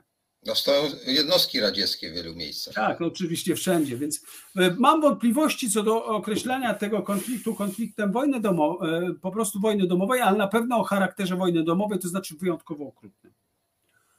E, I jednym z elementów tego konfliktu jest także nienawiść i chęć dokończenia dzieła, a mianowicie Holokaustu. Znaczy to, co się dzieje po wojnie w 1944, 1945, 1946 roku, to jest jakby kolejna faza Holokaustu, e, dokonywana rękami polskimi. W sumie co najmniej ginie około 1100. Profesor Julian Kwiek z Krakowa policzył to w niedawnej książce opublikowanej chyba już dwa lata temu. Był moim tak, gościem, myśmy o tym tak, rozmawiali. Tak, i policzył, że, e, e, że to jest co najmniej 1100 osób. No, jeśli oczywiście porównamy to liczbę ofiar ukraińskich e, czystek na terenie Rzeszowszczyzny czy Lubelszczyzny, no to może się wydawać, że to jest niewiele, tak? ale jeśli weźmiemy pod uwagę, że ma, mówimy o ocaleńcach żydowskich, tak? E, no to to się wydaje po prostu niewyobrażalna liczba. E, no i to jest cały ten kontekst. E, jeśli dodamy do tego jeszcze panujący głód endemicznie, przesiedlenia, migrację ludności, całą tą niepewność tego czasu, no, kim obsadzone są etaty w milicji, wojsku, no ludźmi nieprzygotowanymi nie do tego, no to to wszystko razem układa się w jakąś całość, ale, ale wyjaśnienia pewnie e, e, to, to, to, jest, to jest tylko część wyjaśnień. Tak jak powiedziałem, że w ciągu tych kilku minut nie da się tego opowiedzieć. To może wrócimy do tego, jeśli się zgodzisz, jeszcze kiedyś przyjść do nas, po to, żeby no, żeby opowiedzieć o całym tym obrazie, ponieważ to, co się stało po wojnie, jest w jakimś sensie nie do końca opisane. I ty byłeś jednym chyba z pionierów e, takiego. Nie, bardzo... tu się nie zgodzę. To znaczy, wiesz, ja się zająłem tylko historią społeczną, gospodarczą, e, historią emocji tego okresu. Natomiast jeśli chodzi o działalność polityczną, sytuację polityczną, e, no to mm, y, działalność Mikołajczyka, tych y, podziemia polskiego, szans i możliwości politycznych, to na ten temat wiemy dużo. Przede wszystkim pionierska praca Krystyny Kersten, nieżyjącej już historyczki, nestorki polskich historyków najnowszej, która jeszcze w podziemiu pod własnym nazwiskiem, mówię w podziemiu to znaczy w latach 80. Tym następnym podziemiem. Tak, następnym podziemiem opublikowała książkę Narodziny systemu władzy, która do dzisiaj jest książką bardzo ważną i wszystkich Państwa zachęcam do jej lektury, bo, bo ona się po prostu nie zastarzała. Tak? Jeśli chodzi o te e, polskie wybory ówczesne, polityczne przede wszystkim, i szanse e, w sytuacji, e, jak, czy dało się z tego wybrnąć jakoś mm, politykę władz, no to zachęcam do lektury. No tak, ja mam na myśli to, że ty jesteś trochę mm, może nie pionierem nie we wszystkim, ale w tym takim społecznym obrazie, tym ludzkim. Mhm. Właściwie normalnie przecież nie interesuje nas, no, interesuje nas w wiadomościach, które słuchamy czy czytamy, E, co się dzieje z politykami, walka między Kaczyńskim, Ziobrą, Tuskiem i tak dalej, ale idziemy po chleb i widzimy, że on kosztuje dwa razy tyle, co miesiąc temu, tak? I to jest to, co zwykły Kowalski przeżywa, prawda? I czy żona będzie miała co włożyć do garnka. I ty w kontekście tej polityki, ale jednak ze zwróceniem uwagi na psychologiczne aspekty y, funkcjonowania człowieka, pięknie to opisałeś. Ale sam o tym będziesz kiedyś opowiadał jeszcze, bo to warto. Teraz chciałem powoli kończyć, bo po prostu to jest tak jak y, w Radiu Maryja no, rozmowa niedokończona. Mam nadzieję, że jest nie mniej ciekawa niż tam. E, I chciałem powiedzieć Tobie i Państwu, że teraz rzadziej niestety będziemy się spotykali, ponieważ ja muszę się wywiązać z kilku projektów filmowych, e, które no, opóźniły się w wyniku różnych rzeczy, między innymi pandemii. I będę, mam nadzieję, już wreszcie kończył film Mowa Nienawiści. I chciałem, żeby pokazał nasz realizator no, informację o zrzutce, którą robimy, taką, taką społeczną zrzutkę, żeby mógł ten film rozsądnie dokończyć, bo udało nam się zebrać dzięki wspaniałych darczyńcom trochę grosza, ale Jak na film to jest trochę jeszcze mało, więc tutaj bym apelował o to, żeby Państwo nas troszkę wsparli. Na inne projekty, które też będę realizował, mam już środki skądinąd i to się w tej chwili dopina.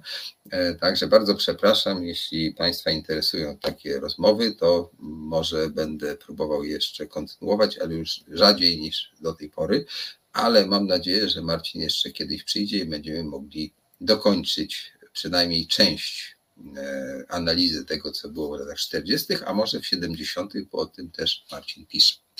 No, to w zasadzie tyle na dzisiaj. E, e, I bym chciał, żeby, że tak powiem, Państwo sięgnęli po prostu po książki Marcina Zaręby, bo warto. No to tyle, co chciałem. Dziękuję powiedzieć. za tą reklamę, dziękuję Państwu za, i Tobie, Konradzie, za tą rozmowę. Do zobaczenia.